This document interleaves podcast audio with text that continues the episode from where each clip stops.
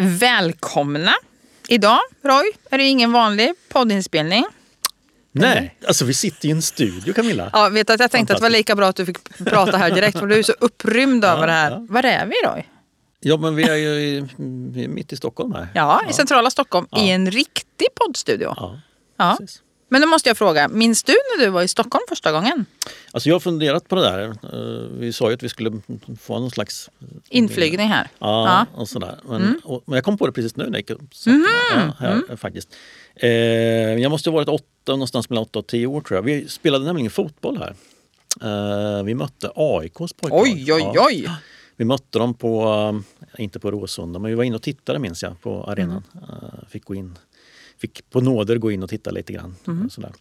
Eh, Och så spelade vi någon annanstans. Jag kommer knappt ihåg någonting av den här matchen. Och så mötte vi AIK hemma sen. Eller om det var tvärtom. Så, Kom- Du kommer inte ihåg om ni vann? eh, nej. Nej. Du minns lika lite av den här Ja, jag- jag fotbollsmatchen som raderar av Lucia? Jag har ju, ja, precis, jag har raderat lite av min barndom. Du har raderat lite? Ja. ja. Jag ska inte fråga Men du, varför. ja, men du, det finns en annan... Eh, ja, men, när var du i Stockholm första gången? Men, eh, Ja, du vill säga två saker nu. ja, precis. vill Jag du- kommer att tänka på en annan sak. Ja, men kör. Ja, jag- Ja, när jag var i Stockholm Ja. första gången. Eh, ja, jag, jag måste säga att jag, jag, det minns jag egentligen inte solklart heller. För vi åkte, jag åkte aldrig hit vad jag kunde minnas med mina föräldrar så där som jag har tagit mina barn till städer eh, Nej, och Stockholm nej. och så.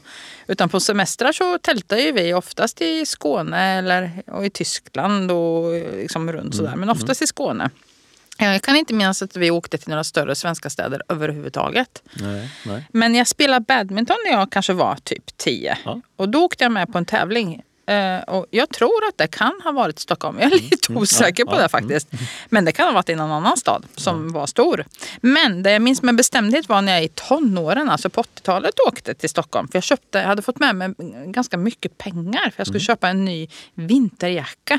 Och jag hittade en vit vinterjacka i dun med aprikost foder, väldigt fin. Mm. Men också väldigt opraktisk. För på den här tiden så använde jag Indian powder i ansiktet. Vet du vad det är?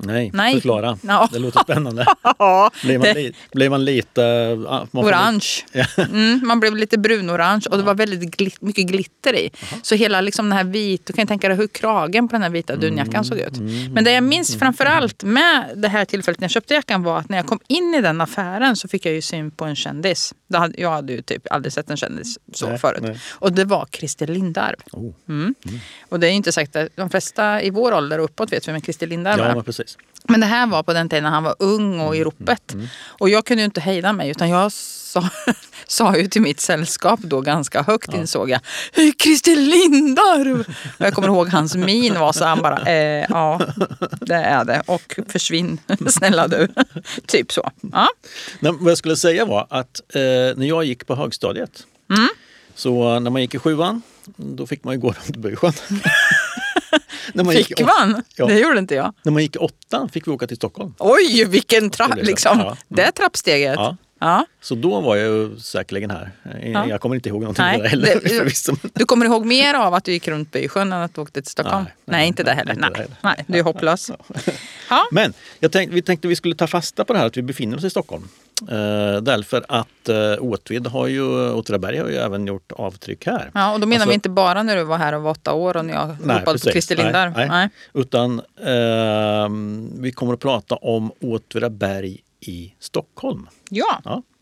Ehm, och det här avsnittet gör vi i, i, den här gången i samarbete med eh, Olli och Elof Erikssons stiftelse för välgörande ändamål och familjen Adelsvärd som då eh, har bidragit mm, med det här så vi kan Samarbete helt enkelt, som vi tackar varmt för. absolut. Mm. Ja, ja. Och när du nu nämner Adelsvärd så Mm. tänker jag att jag kan börja den här lilla Åtvid i Stockholmsvandringen då. Mm. Eh, och börja så här att de flesta av oss eller de flesta, ja, de flesta som har varit i Stockholm någon gång har ju förmodligen knallat över och gått i Gamla stan.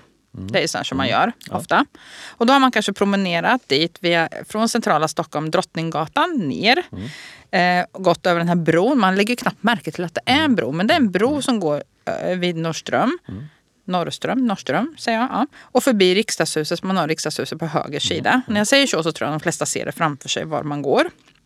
Och när man sen går hem från Gamla stan så går man samma väg tillbaka och har riksdagshuset då på vänster sida. Och så kommer man ju fram till bron igen och går över. Om man inte har tänkt på det tidigare när man befinner sig där så tycker jag man ska göra det nästa gång man åker till Stockholm. För på andra sidan bron på det som heter då Strömgatan så finns ju ett antal väldigt fina stora hus. Eh, som så att säga, man kan säga att de ramar in början av Drottninggatan där. Längst till vänster, när vi nu står och tittar på det från, med riksdagshuset i ryggen, så ligger ju Rosenbad. Där regeringskansliet huserar. Mm.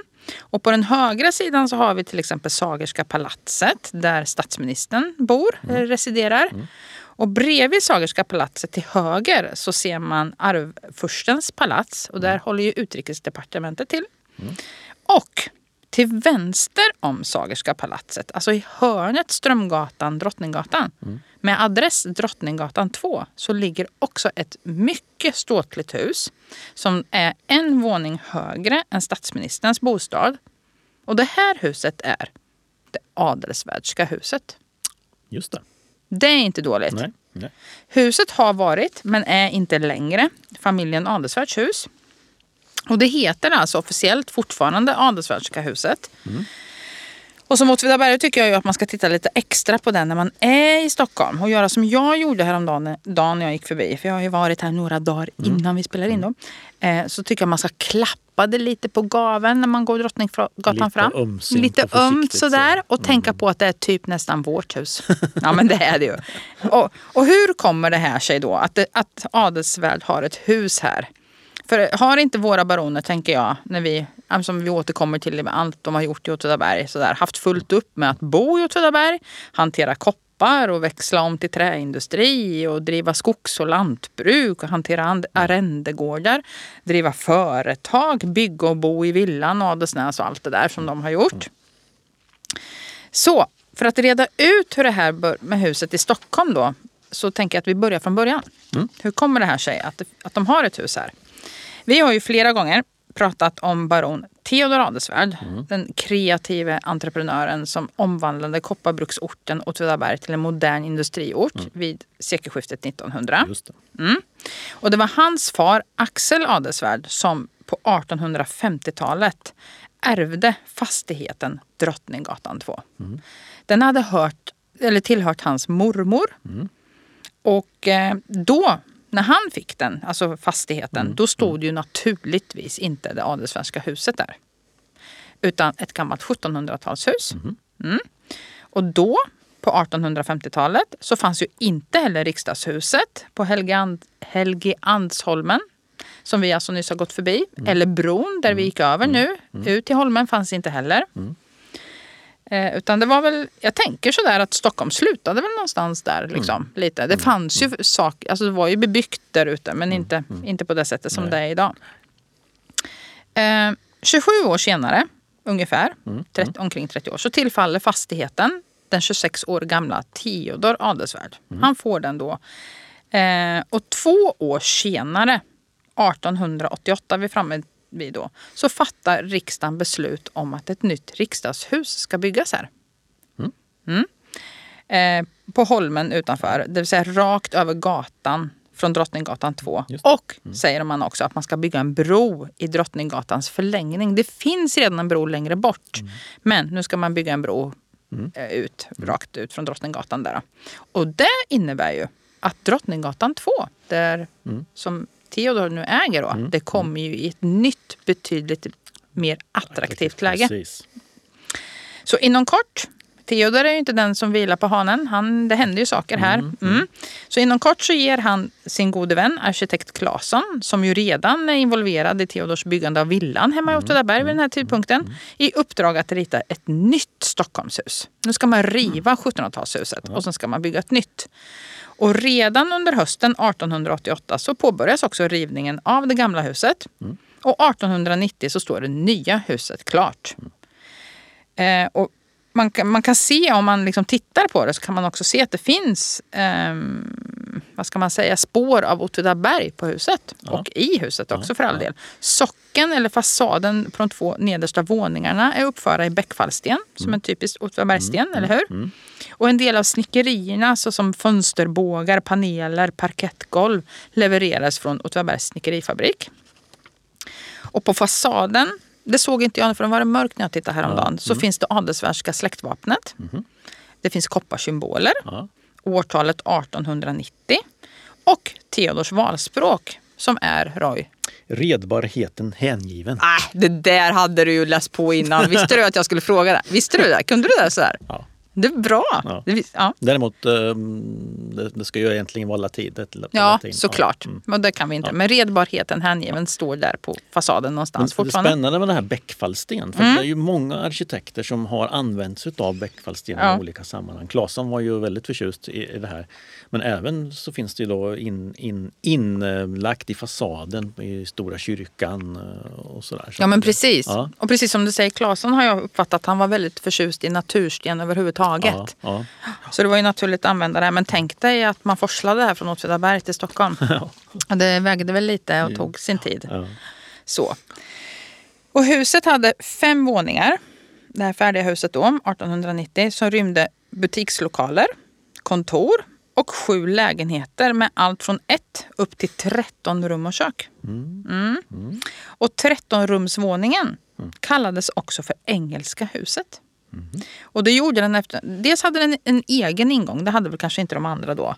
Och så hade den rum fördelade på fyra av husets fem våningar. Precis så här som brittiska lägenheter eller hus är byggda på, det, på höjden. höjden, så. ja. Mm. Och i annonsen som gick ut när huset var nybyggt så framgår att rummen ligger åt söder och väster på det här 13, alltså engelska huset. Eh, nej men förlåt mig, för hela huset så utgick en annons. Så inte bara för Nej. engelska huset. Den hade man för övrigt lite svårt att hyra ut ska jag säga. okej. Men för hela huset så går det ut en annons där man liksom vill locka folk att hyra in sig eller bo här. Då. Och då säger man att rummen ligger åt söder och väster. Och det är bekvämt och fullkomligt en bekväm och fullkomligt säker personhiss finns. Väl ventilerade rum och kök med skafferi och isskåp. Ljusa rymliga tamburer och serveringsrum. Och det finns även vedhiss, piskballonger. Man så kan stå och piska mattor. Ja, mm. Tvättstuga, gasspis och vanlig spis i köken. Vattenklosetter. Det. Så det var väldigt Mm. modernt. Men man gör ju också lite så här, man har både hängslen och, eh, och livrem. Mm, Alltså man har värmesystem men man litar kanske inte fullt ut på att de ska funka. Så man har även den här vedhissen. Kunna, ja. Mm. Och många av de sakerna är så där, två typer av, av spisar och sådär för säkerhets skull. Mm. Till varje lägenhet väl inredda badrum. Var till varmt vatten tillhandahålles. Mm. Telefon från varje våning till portvakten. Det står ju naturligtvis en Ja, portvakt ja, Mm. nere. Elektriskt ljus. En toppmodern. En jättemodern. Mm. Och jag, när jag har läst lite om det här, jag har läst både Anders Jonssons Baronen Mm. och också just Adelsvärd som har skrivit om huset. Så var det också så att Theodor Adelsvärd ibland blev hejdad på gatan där folk undrade varför han hade vattenklosetter nu när det fanns ett badhus i närheten. Eh, så nära. Och jag vet inte om Rosenbad på den här tiden var just badhus, för det var det ju från början. Så, Kanske så, att, ja, ja. så det kanske är det. Och då var det väldigt nära. Så då tyckte man det var lite märkligt. Då. Mm. Och huset, eh, inklusive ritningen av det första huset, kostade då 365 000 kronor. Mm. Och det, det är ju det där alltid, vad, vad, ja, vad skulle det motsvara i dagens summa? Ja, Eh, och det är alltid svårt att säga. För om man slår, liksom, omvandlar det här och får veta hur mycket tjänster och varor man kan köpa så motsvarar det 2,5 miljon. Och det låter ju fortfarande väldigt lite, tycker jag. Mm. ja. Så att eh, det var nog... men, men att, jag har en bestämda känsla att man på något sätt ändå fick mer. Det tog längre tid att jobba ihop de här 2,5 miljonerna. Ja, ja Kanske. eller hur? Precis. Och det är därför man inte direkt bara översätter att det motsvarar den här summan. Utan, ja. Och de första hyresgästerna de flyttar in i slutet av av 1890 men då är faktiskt inte huset helt klart. Ehm, och som jag sa innan, det som blev absolut svårast att hyra ut är det engelska huset på grund av den liksom, ovanliga planlösningen och också för att det var dyrt att, att hyra det. Och nu Roy ser jag på dig att du ju undrar väldigt mycket om familjen Adelsvärd själva hade en lägenhet i huset. Ja, jag skulle precis fråga om det. Ja, Skulle du? Mm, det är bra. Vad tror du? Då? Ja det är klart. Ja. När huset var nybyggt så hyrs en våning ut till Theodors syster. Jag vet inte vilken av hans systrar, för han hade väl flera va? Mm. Mm. Syster och svåger. Och i den lägenheten som de har så disponerade han två rum. Men när han tio år senare, år 1900, bli riksdagsman. Och så ökade förstås behovet av bostad. Och inte minst sen när han 1911, alltså 11 år senare, blir finansminister i Karl Staaffs regering. Och då behöver han ju inte bara en större utan också en mer representativ Precis. våning. Mm. Så det, det har de då. Ja. Och Anna Sparre, Theodors och Louise, en av, en av barnen, ett, ett av deras barn då. Hon berättar i sin bok som heter Alla mina hem att hon under sin barndom hade två hem. Eh, villan om somrarna och Drottninggatan 2 om vintrarna. Och hon var ju också född i, eh, på Drottninggatan 2. Ja. Eh, och hon minns också ett tillfälle vintern 1914 när hon satt i lekrummet och genom fönstret såg ett långt, långt tåg med människor som gick över Norrbro som är den andra bron över till Helgeandsholmen. För fortfarande så hade ju inte den här nya bron byggts då. Ehm, ja, det kan väl bara säga som en parentes, den bron i Drottninggatans förlängning som nu heter Riksbron, eh, som man planerade för 1888, den, den byggdes inte för 1931. Mm. Ehm, så att det tog ganska lång tid. Men hon ser i alla fall ett långt, långt tåg av människor som vandrar på den här Norrbron då. Och de, det är 32 000 bönder från hela landet som går där. Mm. Den 6 februari så tågar de mot slottet för att protestera mot Karl Staaffs försvarspolitik.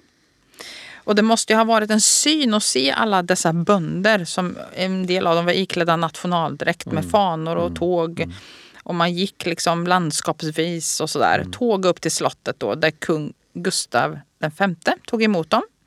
Och håller det som senare har kommit att kallas för Borggårdstalet. Det. Mm. Det kommer man ihåg från skolan lite så här.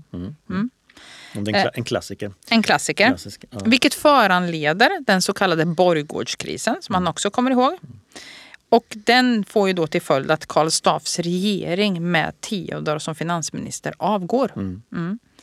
Anna, hon visste ju egentligen inte eh, visste ju att hon egentligen inte alls fick, ja hon säger också hon fick inte alls vara i det här rummet den här dagen, det här lekrummet då som hon eh, liksom kikar ut via den här balkongen och ser bondtåget då. För hon visste ju att det skulle senare komma bönder hemifrån och sova på golvet un- under de dagar de var där och deltog i bondetåget. Ehm, Så även Åtvidsbönder gick bland de här 32 000 bönderna Ja. då och protesterade. Och det är ju lite festligt. Här åker de från Åtvidaberg där Theodor Adelswärd är väldigt tongivande för att protestera mot en regering där han sitter som finansminister. Ja, och ändå tar han emot dem Ja, i sitt hem. dessutom hyser han in dem Han hyser Ja. in dem. Och han skriver i sin dagbok, vilket är rätt roligt tycker jag.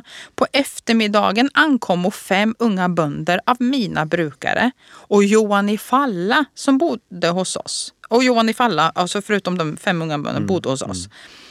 Talade, talande vid dem på aftonen hade klart för sig att de flesta i bondetåget bara res ned för att det var så billigt och roligt att komma till Stockholm. Och ingen kom för att han ville ha högre skatt eller längre värnpliktsövningar. Sorgligt nog är bondetåget mest en, en bluff och gör ingen praktisk nytta. I vissa fall tvärtom. Så han tänkte att de, de, de kommer helt enkelt för att det var ett tillfälle att komma till Stockholm. Ja, det är klart han säger det. Tänker Det är jag. klart han, han han är ju säger. part i målet där. Han är part i målet. Han blir, Ja. han blir av med jobbet. Precis. Ja. Så så är det lite kring det Adelswärdska huset. Så Ja. tänk på det nästa gång ni kommer till Stockholm och går över till Gamla stan. Att Precis. Klappa näst, lite. och nästa gång man är på Åtvidabergs gamla kyrkogård kan man ju kolla in en av de riktigt stora resliga bautastenarna till gravstenar. Det finns två stycken. Mm, de har vi pratat om har när vi var pratat där. om. Mm. Ja. Stod ju och pratade om. Och Den andra är just den här Johan i Fallas. Ja, precis. Och han, honom dyker man ju på lite då och nu med små berättelser, eller hur? Ja men precis. Mm. Ja, Så det var ju roligt att han var där också i Stockholm då. Ja. Det var nog kanske första gången för alla de här bönderna. Med. säkert. Vi, Ska gissa. Vi, vi pratar ju ibland om att, en reflektion kring det här, vi pratar ju ibland om att uh, baronet Adelsvärd är ett fideikommiss, alltså som, som Mm. Theodor. Eh, Men även, eh, även den här eh, fastigheten, Drottninggatan 2, eh, var ju också ett fideikommiss. Ja. Ja. Eh, Och då måste man förklara vad ett fideikommiss är Ja, men ett fideikommiss är ju en egendom. Det kan vara en fastighet, det kan vara en landegendom, det kan vara föremål så här, som inte får säljas utan de ska ärvas vidare enligt, enligt vissa regler. Mm. Så. Så, så, så baronet Adelswärd skulle ju då gå till äldste sonen. Mm. Eh, står det inskrivet, står det inskrivet i, Mm. i fideikommissreglerna. Eh, men även då det här Drottninggatan 2 var ju som, som sa ett fideikommiss. Mm. Eh, och nu ursäkta min, min, min, min, min obefintliga franska. Men den kallas alltså för Leffebö Liljenbergska fideikommisset. Ja. Ja. Jag tyckte det lät jättebra. Ja, vad bra. Mm. Ja. Eh, och då kom vi in då i familjen som, som, som du sa Camilla här på 1850-talet. Mm. Eh, och det hade alltså som, som regel att innehavaren utav fideikommisset, eh, det, det Leffebö Liljenbergska fideikommisset, fick inte inneha något annat fideikommiss än just det. Och det är ju inte så för alla fideikommiss har jag förstått. Utan Nej. det här var en särskild regel som de hade. Ja, precis. Och så det är ju därför då som det kommer, som, som ti, det kommer i Theodors händer. Mm. Eh, han blir ju fideikommissarie över fastigheten Drottninggatan 2. När hans pappa får ta över Adelsnäs. Precis. Ja. För då måste han frånträda Ja. den här Ja. eh, Drottninggatan 2. Då. Precis. Ja. Så det, det, det är därför Det han... förklarar ja, mm, att han får den fastigheten. Ja. red- eh, trots att Axel fortfarande lever så att säga. ja, men precis. Ja. Ja, bra. Och jag Eh, tänkte bara avsluta lite med Adelswärska huset. Att man kan ju fundera på, som jag sa, det tillhör inte familjen Adelsvärd idag. Eh, bara lite kort. Och det, jag ska också säga att det tog ju lite tid innan, som jag sa, innan bron byggdes och innan riksdagshuset också byggs. Det byggs påbörjades väl 1895 och är klart 1905 eller 1907 någonting sånt. Mm. Men Adelswärska huset byggs ju som en bostadsfastighet men med tiden så blir det allt mer ett kontorshus. 1907 till 1912 så hyste den Danmarks ambassad. Och åren 1922 till 32 hade Sydsvenska banken sitt Stockholmskontor i byggnaden. Och mot slutet av 30-talet så köptes fastigheten av investmentbolaget Ratos. Och det står fortfarande Ratos på huset idag, såg jag. Som också hade då sitt huvudkontor i byggnaden. Sen 2019, alltså bara några år sedan, f- eh, tillbaka, så köptes byggnaden av staten. Om vi innan pratade om de här 2,5 miljonerna så kan man väl säga att staten köpte byggnaden för 550 miljoner kronor. Mm. Okej, är en, Mhm. en rejäl uppgång. ja, den reaskatten. Ja, Nej, ja. nej. Eh, Ja. Ett annat hus Ja. eh, som man då som Åtvidabergare på besök i Stockholm kan klappa hörnet på lite ömt och försiktigt sådär. Mm. Eh, och som på, på ett sätt har en ännu mer koppling eller större koppling till Åtvidaberg eller sådär, på, på grund av just namnet.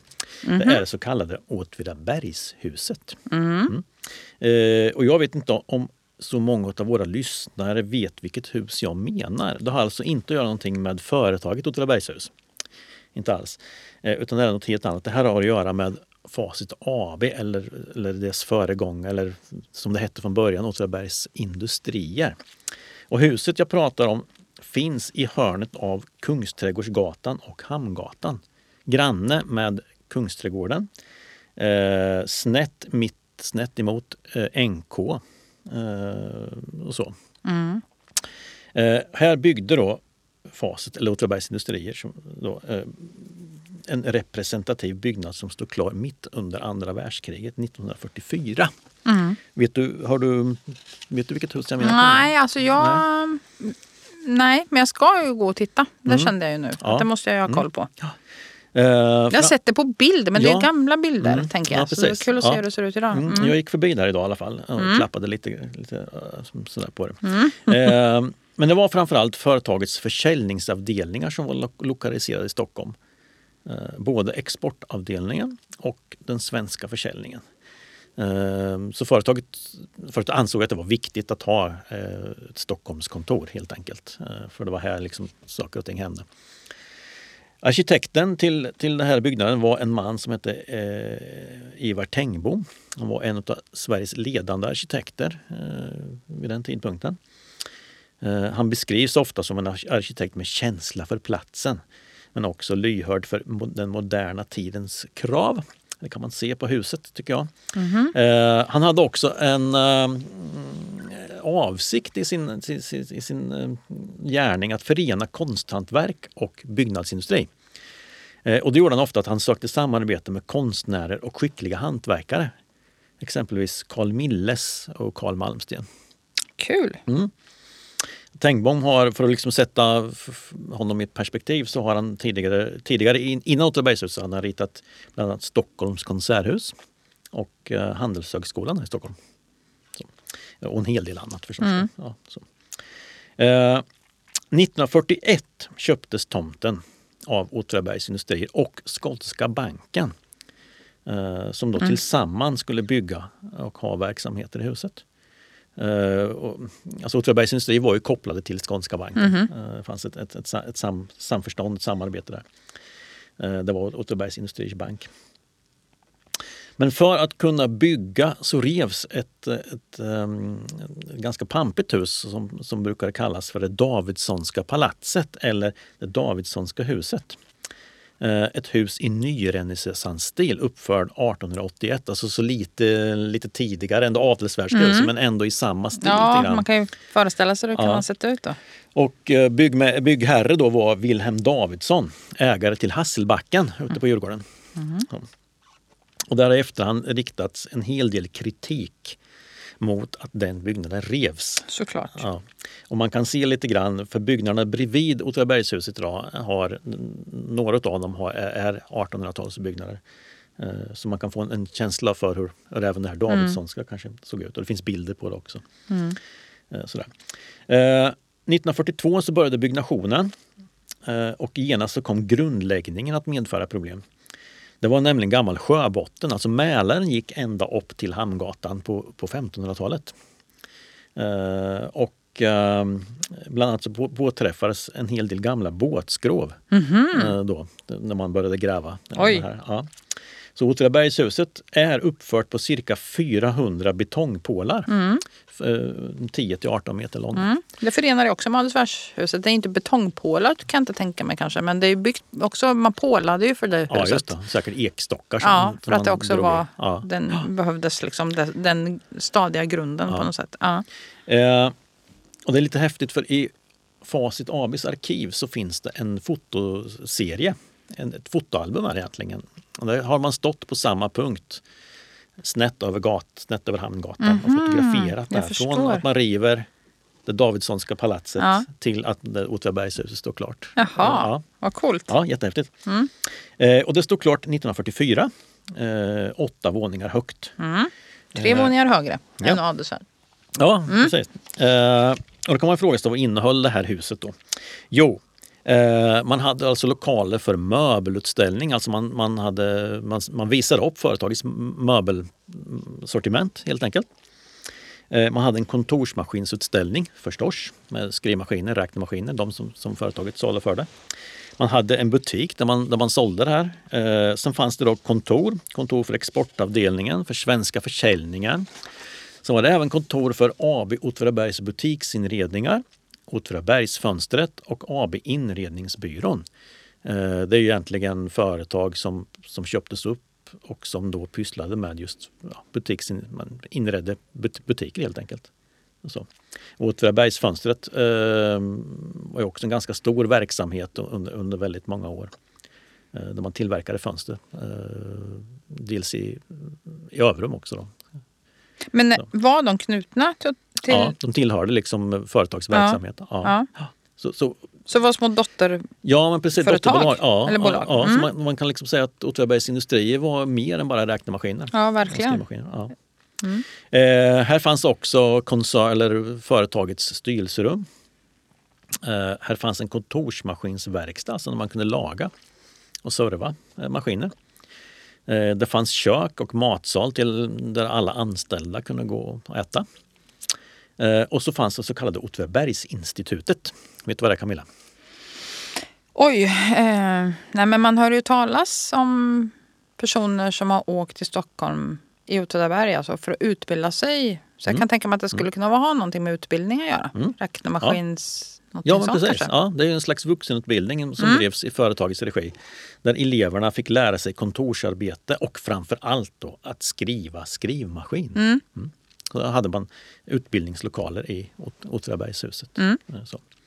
Sen fanns en del finesser eh, när man byggde det här. Eh, så. Dels så fanns en störtbana från gatan till upppackningsrummet i källaren. Alltså Jaha. en, en slags rutschkana för paket. Eh, När man, då, man levererade paket och så skjutsar man ner dem i källaren och där packar man upp dem. Ja. Och sådär. Det påminner mig lite om det gamla Riksarkivet. Eh, Där hade man, för att kunna utrymma arkivet så fort som möjligt så hade man också så här rutschkanor. Man kunde liksom hiva ur arkiv, ut arkivmaterial som åkte i rutschkanan ner om man var tvungen att evakuera. Alltså. Mm. Så det var en, en, en grej som, som, som eh, ja, fanns det nog. Eh, handlingar och dokument kunde transporteras via ett slags transportband mellan arbetsplatserna. Mm. Och eh, handlingarna kunde också skickas med rörpost mellan våningarna i huset. Ja, men det är lite spännande. Ja, det går med trycklufter där och så går det i ledningar. Man stoppar in handlingen i en slags behållare och så trycker man in den där i det här röret som pjong, åker den iväg. Det är jättehäftigt. Snabbare än ett mejl. Ja, precis. ja. Eh, Och huset blev då i enlighet med Ivar Tengbons intentioner också konstnärligt utsmyckat. Där fanns, eller finns, jag vet inte riktigt eh, hur den ser ut invändigt idag. Den här. Man kommer inte in hur som helst där idag. Eh, ingen aning faktiskt. Nej. Eh, Du vet inte vad det finns i huset idag? Jo, eh, jag återkommer till det. Ja, grann. okej. Mm. Eh, men där, när man byggde det i alla fall, när det stod klart så fanns det intarsior formgivna utav Evald Dahlskog. Alltså en intarsia är ju en, eh, em, en bild gjord i trä skulle man Mm. kunna säga. Med En olika som finns träslag.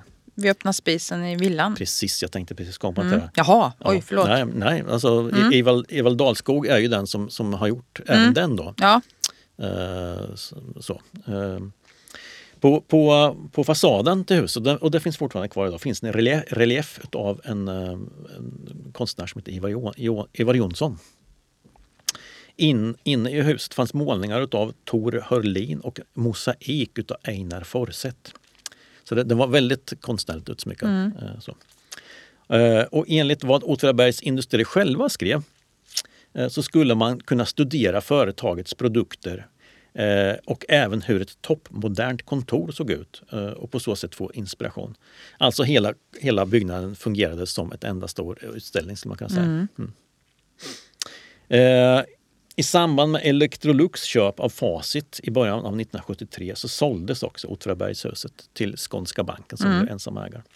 Och efter det så hade det bytt ägare eh, ytterligare ett, ett par gånger. Jag vet inte vem som äger det idag. Men idag huserar ju då eh, Max hamburgerrestaurang på botten. Nej, men, Ja oj. visst. Ah. Eh, och Audi har, eh, har mm lokaler. men då vet jag vad jag ska titta efter i alla fall Ja, när jag precis. kollar Ja, efter huset. mm. Ja. Eh, Audi-symbolen på fasaden är väl okej men Max, tycker, Max eh, det gör sig inte alls. Mm. Nej. eh. Lite småtrist. Men, men ehm, det är i alla fall Åtvidabergshuset. Så. Mm. Ja, Eh, vad kul och, och den ändå. kallas, Det kallas fortfarande Åtvidabergshuset. Vi har, jag hade eh, kontakt med en byggnadsantikvarie förra året. Så de håller alltså på och renoverar trapphuset tror jag. Mhm. Bland annat. Mm. Så jag servade dem med lite bildmaterial från hur det såg ut när det var klart. Så. Men hon, hon benämnde det fortfarande Åtvidabergshuset. Mm. Tur för henne. ja, och Adelswärska huset heter också så fortfarande. Det är ju lite roligt ju. Ja. Ehm, ja, spännande med alltihopa. Husen i Stockholm. Ehm, jag tänkte jag skulle prata lite om en, om en person också. Liksom, ja. Mm. Från Stockholm? ja, Ja. han mellanlandade i alla fall i Stockholm. Okej. Ja. Mm. Men jag pratade ju tidigare om Norrbro där Anna Sparre såg, eh, som barn då, så bondetåget vandra mot slottet och till Gustav V. Eh, och Norrbro är en gammal stenvalvsbro, eller stenvalvbro säger man kanske, som består av tre delar och är 19 meter lång och sträcker sig från Lejonbacken vid Stockholms slott till Gustav Adolfs torg som ligger eh, där jag pratade om Arvfurstens palats, alltså ett av det Adelswärska husets grannar. Så den är en ganska lång fin bro där. Ehm, och vi har ju som sagt valt ett Åtvidaberg i Stockholms tema idag och då har vi pratat om stora hus och stora företag. Och som sagt, nu skulle jag vilja prata om en liten men ändå stor tyskfödd man som föddes samma år som Norrbro byggdes, nämligen 1807. Aha. Mm. En fin koppling jag har här Ja, tycker jag. ja, verkligen. jag kommer på alldeles själv. Ja. Han föddes i, i Tyskland, mm, som sagt. Han var ju tyskfödd. Och han flyttade till Stockholm när han var 23 år gammal, år 1830. Och denne man han hette Christian Friedrich Wilhelm Böhme. Honom har du talat om förut. Absolut. Eller Böma, som hans kompisar i Åtvidaberg senare retsamt kom att kalla honom. Därför att han själv hade så svårt att skilja på när man i svenskan skulle använda vokalerna E respektive A. Så för att retas lite med honom så kallar man honom tydligen för Böma. Men Böhme han var en skicklig klarinettblåsare. Och det var med klarinetten som han emigrerade till Sverige och till Stockholm. Eh, Och då kan man ju fundera på vilket Stockholm som mötte honom på 1830-talet. Ja, för det första så var det ju, tänker jag då, inte alls så stort som idag. Varken när det gäller bebyggelse eller antalet invånare. Nej. Och jag har hittat siffror på att 1810 så fanns det i Stockholm 71 000 invånare. År 1850 93 000. Så när Böhme anlände 1830 så kanske det fanns, ja, vad ska man gissa på, 80 000 invånare i Stockholm, någonting sånt kanske. Mm. Och det var trångbott, det var fattigt, folk svalt. De hygieniska förhållandena var undermåliga och sjukdomar härjade. Så beskriver man Stockholm på den här tiden. Det var hög dödlighet till och med i jämförelse med andra europeiska storstäder. Och så långt som in på 1850-talet så dog var tredje barn i staden före ett års ålder. Och medellivslängden i Stockholm för män var 20 år och 26 år för kvinnor. Det här är ju nästan så jag undrar, kan det stämma? Det låter ju helt galet. Ja, Ja, det låter ju väldigt Ja, märkligt. men så har jag liksom hittat. Ja. Men det låter ju väldigt, väldigt eh, märkligt. Eh, men i alla fall så var det inget vidare. Kan man väl säga. Nej, det, Nej. Så det låter det inte som. Nej. Nej. Även om nog den här medellivslängden måste ha varit på ett annat sätt. Ja. Men Böhme i alla fall, vi går tillbaka till honom, så var han som sagt en skicklig klarinettblåsare. Och han anställdes direkt av Kungliga hovkapellet som stämledare för klarinett. Alltså han var den främste representanten för klarinettspelarna. Det är väl han som stämmer liksom de andra. Alltså hur, Ja, stämmer instrument ska jag Ja, säga. ja. Mm. Mm. Lite chefen för klarinett. Chef, klarinettchef var han. Mm.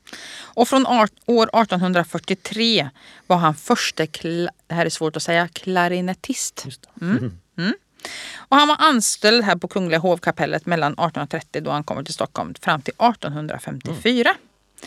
År 1854 så kommer nämligen den dåvarande baronen adelsvärd, nämligen Jan Karl till Stockholm. Och han är på jakt efter en ny musikdirektör till musikkåren i Åtvidaberg. Året innan så hade den förre musikdirektören Hönecke, vi har pratat om honom tidigare i podden. Även han var tyskfödd. Han hade tragiskt dött. Och som sagt, Hönecke och hans mystiska dödsfall, det kan man lyssna mer på i poddavsnitt 3 om man är nyfiken på det. Så för att hitta en ny musikdirektör så vänder sig Jan Karl självklart till de allra bästa, de som arbetar på Kungliga hovkapellet. Och där förordar, förordar man livligt Böhme. Och i skriften Otvidiana som är författad av Karl Nordenström som var samtida med Böhme. Som är, han är son till Pater. Mm. som var vice häradshövding och baronens juridiska ombud som bodde på Roy, Eh, det som heter Sjukhusgatan idag. Mm. granne med Gustav Adolfhuset. Dan, dan. Ja. Den är Karl Nordenström, han författar alltså den här Otvidiana och han beskriver, han beskriver ju flera tjänstemän. Vi har använt oss av den här skriften förut för att den är en ganska rolig beskrivning av flera av tjänstemännen vid den här tiden. Men han beskriver Böhme som en liten korpulent herre, alltid elegant i en grå kastorhatt. Och kastor, vad vet, vet du vad det är, en kastorhatt? Castor är, det är bäver på latin. Precis, en bäverhatt. Kan se ut lite på olika sätt. Men eh, Det är väl en, bä, bäver... med bäverhår Ja. är det ap- alltid. Det är, det är ingen sån här David Crockett. Nej, jag tror att en liten eh, här halvhög hatt ofta. Mm. Eh, men en grå sådan då. Och så hade han mörkblå långrock och ljusgrå pantalonger, alltså långbyxor. Och han spatserade med en käpp i handen och ofta en tjock cigarr i munnen. Och han hade ett fett, rödlätt och rakat ansikte med skarpa rynkor vid den ihopknipna munnen. Jag tänker att den ihopknipna munnen kommer väl av mycket klarinettspelande Ja, antagligen. Och så säger då han Karl Nordenström, eh, och nu citerar jag då, att hela hans figur verkade komisk. Så småtrevlig och lustig när han spatserade på Åtvids vägar och backar. I synnerhet då han någon gång var åtföljd av sin fru Carolina, som däremot hade en mycket lång, rak och mager figur. Förgäves sökte hans höga hatt i någon mån maskera detta ojämna förhållande i kroppslängd. Aha, så Mm. han hade, det fanns en anledning till hans höga hatt. Precis, så han skulle komma någorlunda upp i höjd där. Mm.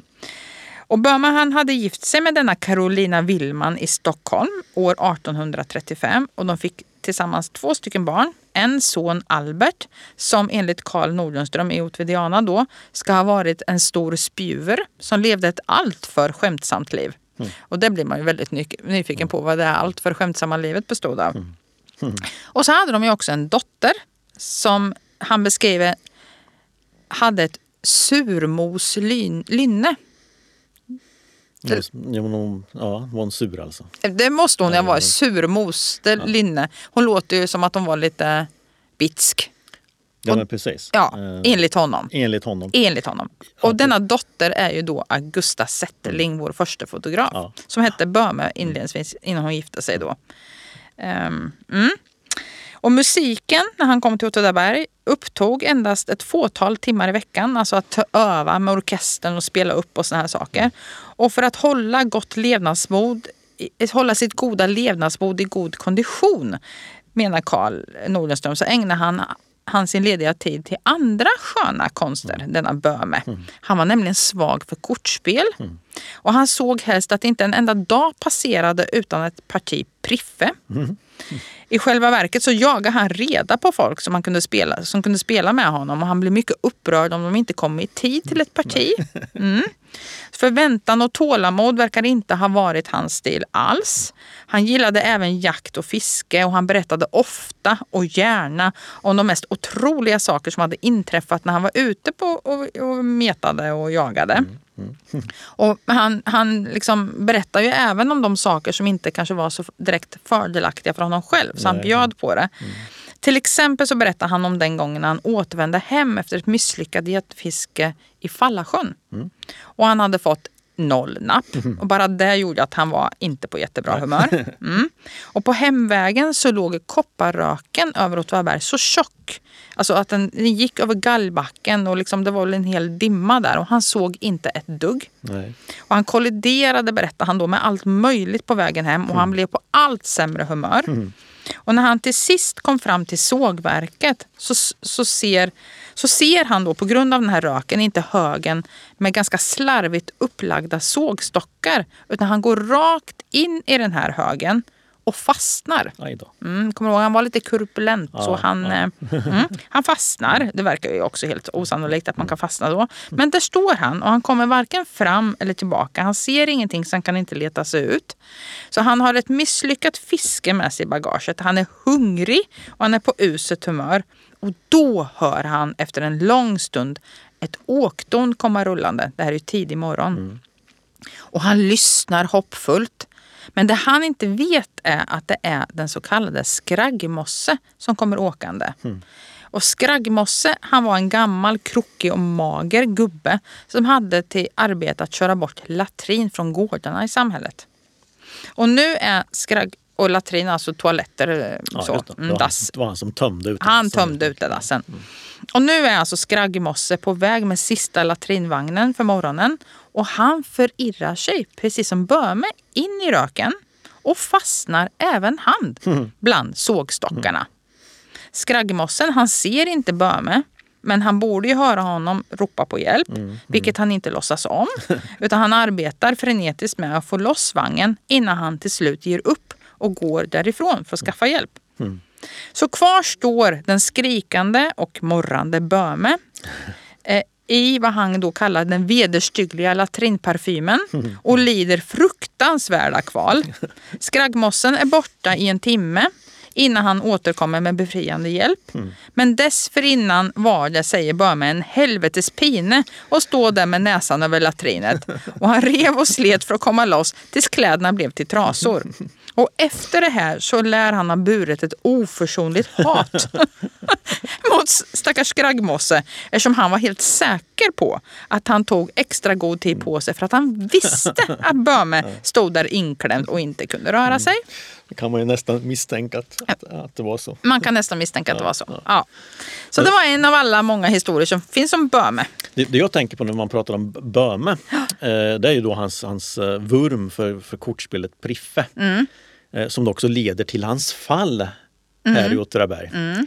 Ehm, det är ju också en väldigt rolig historia kan man kan tycka. Mm. Eh, han, han, eh, han bodde ju, eh, Böhme bodde ju i, i Klockargården, eller så kallas för Klockargården som ligger granne med musikpaviljongen i Klockarängen. Mm. Och granne med gamla kyrkan. Ja, ja, precis. Eh, och vid ett tillfälle där så skulle då bruksorkestern uppträda i musikpaviljongen. Eh, Men Böhme var då inbegripen i ett parti Priffe i, i sitt hus som, som då så låg några meter därifrån. Eh, och när då bruksorkestern hade stämt klart om man var redo och publiken hade kommit då, då, då meddelade man då Böhme att han, eh, det var dags. Sätta Och i igång. publiken så satt väl inte vem som helst heller? Nej men precis. Eh, Men för, för grejen var att Böhme han, han, han ehm, alltså det, här, det var ett väldigt segslitet parti Priffe. Eh, Och han så han ville, ju spela, sin- han ville ju spela klart. Ja, såklart. Ja, ja. Så han sa, jag kommer. Jag kommer så fort det här är klart. Eh, han fick, de, de, gick, de skickade bud efter, efter Böhme igen ytterligare en gång och sa att ja, brukspatron Adelsvärd sitter och väntar och han Oj, börjar oj, bli ganska irriterad. Ja. Ja men vi avslutar snart det här menar, menar Böhme då som Ja. fortsätter. Och så fort han börjar spela så kommer han ju in i det här spelet. Han glömmer totalt bort att han ska, att han ska liksom koncertera med bruksorkestern. Så det slutar ju då med att brukspatron själv Och det måste vara Jan. Karl Adelsvärd? Nej. Nej, det var Seth kanske? Nej, Så, nej, nog till och med Axel Adelsvärd. Okej. Ja. Aha. Eh, ja. Och då går han upp och, och, jag vet inte om han tar Böhme i örat och går ner med honom men han beordrar honom att komma ner och uppträda. Och det Ja. gör då Böhme. Eh, så. Men eh, efter ett par dagar sen så får han alltså sparken på, på, på, blankt papper där. Mm. Ja. Och det här tror jag är 1873 eller Ja, någonting sånt. ja, Han, han är en av de första tjänstemännen som får gå för han måste väl göra sig av med flera tjänstemän tror jag. Ja, men, ja men precis, det här är ju en historia som, Ja. som, som finns. Men anledningen till att Böhme får sluta är förstås att det går väldigt dåligt för Åtvidabergs kopparverk. Om man är tvungen att avskeda. Eh, och då, då, då avskedar man förstås de man absolut inte behöver. Ja. En musikdirektör. Ja, precis. Men, Ja. men det, det är liksom en, en bra historia. Där, En väldigt bra Ja, historia. Man skulle vilja träffa Böhme. Ja. ja. Ja. ja. Ja. Eh, vi återgår till Stockholm tänker jag. Mm. Eh, har du varit på Nordiska museet Camilla? ja. Um, det har ju varit fräckt att kunna gå dit nu men nu är det ju stängt tror jag. Mm, mm. Eh, sådär. Eh, och jag har inte varit där på jättelänge faktiskt. Nej, men det har inte jag Mm, heller. nej. Jag har varit där, men det, nu är det Ja. bra Men, tag sedan. och, och bland det första man lägger märke till när man går in i entrén så är det då en Ja, men det är den här jättestatyn av Gustav Vasa. Ja precis, ja, en kolossal staty Mm. Ja. eh, som då föreställer Gustav Vasa. Och anledningen till att den står där det, är ju, ska ju, det ska vara en påminnelse om att Nordiska museets samlingar har sin startpunkt i 1500-talet, alltså när Sverige formades till nationalstat. Mhm. Därför man har då eh, Gustav Vasa sådär, som, som Mm. man kan se. Sådär. Eh, och just den här statyn som finns nu, eh, den stod klar 1925. Eh, innan så fanns det en annan i gips Mhm. som såg lite annorlunda ut. Och båda två de här hade då skapats av skulptören Carl Milles. Jaha. Mm. Eh, men eh, uppdraget att tillverka stommen på den som står här, eh, står på Nordiska museet idag, den gick alltså till Åtvidabergs industrier. Nej, det hade jag ingen aning om. Mm. Ja. Eh, och man började arbetet, det tog ett par år för, för liksom att producera stom, den här stommen. Eh, och ehm, eh, den som var ansvarig för, för industriernas räkning det var en ingenjör som hette Gunnar Gruve. Han skötte arbetet då från, från, från Åtvidabergs industriers sida. Men har man någon aning om varför det här uppdraget gick till, till Åtvidaberg? De hade räknat på det kanske. Ja, men lämnat in ett anbud. Ja, de hade, de hade kanske hade, hade någon kontakt med Milles Ja. sedan tidigare. Ja. Eh, och sådär. Mm. Eh, men när statyn invigdes då i maj 1925 så kunde man läsa, läsa följande rubrik i några av dagstidningarna. Nämligen, nämligen Korsordsgåta på Gustav Vasa-stoden. Och nu har jag den här artikeln med mig så jag tänkte jag skulle läsa. Här. Korsordsgåta. Korsordsgåta på Gustav Vasa-stoden. Eh, nyligen har, som känt, en av skulptören Carl Milles utförd stod av Gustav Vasa högtidligen avtäckts i Nordiska museet. Bildverket i fråga, som är vårt lands största träskulptur, har utformats av en väldig ekkoloss, vilken hopsatt av en mångfald olika stycken levererats av Åtvidabergs bekanta träindustri. På monumentets baksida sitter en gyllene tavla där alla som har haft med eh, dess, som alla haft med dess tillkomst att göra eh, står omnämnda. Eh, allt ifrån den frikostige donatorn Helge Jonsson för vilken statyn blivit en kostsam affär eftersom utgifterna lär ha gått upp till emot 120 000 kronor in summa. Bland namnen på den gyllene listan finns ett som besökaren har svårt att stava sig till. Ty där står att snickeriarbetet är utfört av Grebadivtå. Grebadivtå. Aha. Och man grubblar brydd över vad det är för firma med ett sådant besynnerligt namn. Men så går det upp ett ljus för en. Namnet är vår allra färskaste korsordsgåta. Det ska läsas baklänges och då får man namnet Åtvidaberg. Firman och professor Milles har haft en ekonomisk, ett ekonomiskt mellanhavande rörande det enligt konstnärens mening för högt uppdrivna priset. Och nu hämnas han på detta sätt. Att låta en officiell minnestavla sålunda ge eko av affärstvister är synnerligen taktlöst. Därom torde nog inte råda någon, någon mer än en mening. Och konstnären gjorde klokast i att snarast möjligt korrigera tavlans inskrift. Jaha. Så kunde man läsa då i ett flertal svenska dagstidningar eh, i maj 1925. Jag vet inte vad jag ska säga om detta. Står det så fortfarande eller är det korrigerat? Ja, eh, Det kommer. Jag Ja. det. Ja. Eh, det här samarbetet då mellan Milles och, industrin resulterade då i en konflikt uppenbarligen mellan den här ingenjören Gruve Mm. och Carl Milles. Eh, sådär. Eh, och han hade placerat Åtvidabergs namn spegelvänt. Och det här var ju förstås inte populärt. Det här reagerade förstås industriernas chef, disponent Elof Eriksson på. Ja. Ja, han skrev både till Carl Milles och till Nordiska museets styrelse i, i form av dess eh, styresman som hette Gustav Uppmark. Elof Eriksson menar att tidningsartiklarna orättvist hade pekat ut Åtvidabergs industrier för att oskäligt ha drivit upp eh, priset. Eh, och ville att plåten med, med, det snar, med det snaraste skulle bytas. Den här eh, styresmannen för Nordiska museet, eh, Gustav Uppmark, han tyckte det var inte mycket att bråka om. Eh, sådär. Han tog inte så allvarligt på det här. Varvid Elof Eriksson i ett nytt brev vidhåller och menar att det aldrig förekommit någon dispyt över priset. Men att ingenjör Gruve reagerat på den alltför starkt utnyttjade kredittiden. Alltså med andra ord att Milles inte betalat för arbetet i tid. Mm. Milles då å sin sida, eh, han fick lite kalla fötter och menade i ett brev till El- Elof Eriksson att det hela varit ett skämt och att hans tanke inte var att det spegelvända namnet skulle ha stått kvar. Men att han personligen ville tala med El- Elof Eriksson angående ingenjör Gruves beteende mot honom. Något som han återkommer till i ytterligare ett brev och som tydligen förolämpat honom väldigt mycket. De, ja.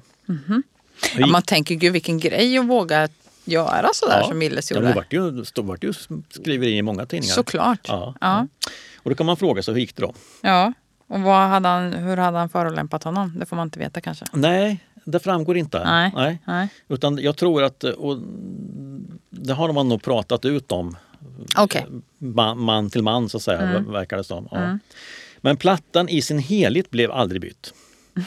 Men namnet Grebadivtå Mm. har ersatts med namnet Åtvidaberg. Ja. Och det går att se på uh, statyn. För den, det, man kan se att själva uh, Åtvidaberg är liksom insaxat i den andra, i den andra tavlan. Så kika på den nästa gång. Mhm. Men är det lätt att se? Alltså, den är ju så otroligt stor som sagt den här. Ja. Så någonstans på socken ska det här finnas då? Ja precis, det går att se och det finns bilder på det här också. Mm. Kul! Jag tänkte att ska vi publicera på vår Facebook-sida. Ja. Eh, Så här, för då, då Ja. kan man se att, att liksom det har... eh, men det, det är ju en spännande konflikt. Verkligen, och vad roligt att veta. Ja, Ja. ja. ja. Så. Ja, Ja, ehm, ja, vi har ju pratat om några intressanta kopplingar. Mellan Åtvidaberg och Stockholm. Ja. Ja, och Ja. Det finns ju säkert fler tänker jag. ja, gud ja. Och det får man ju gärna tala om för oss Mm. eh, genom att mejla oss på... Ska jag våga säga vår mejladress den här gången? Ja, men, Så kan du rätta mig om Ja, jag har precis. fel. Ja. At brukskultur.se. det. Kan det vara så enkelt? Ja. Mm, mm. Och sen lägger vi ut på Facebook. Åtvidaberg backspegel. Så där kan man också kommentera. Finns det flera kopplingar, vilket det ju självklart gör. Men man får gärna eh, skriva och berätta Mm. det för oss. Ja. Men nu, nu måste vi alltså gå ur den här. ja, men jag tänker vi kanske ska fortsätta att spela in här. Det känns ju väldigt bra det Camilla. hur ska vi någonsin kunna återvända till vår ja, lite mer eh, Spartanska. spartanska studio? Ja, ja, Vi får tacka lyssnarna. ja. Sa vi att det var avsnitt 26? Nej, det sa vi nog inte. Det här är avsnitt 26. Ja. Då säger vi så. Japp. Hej då!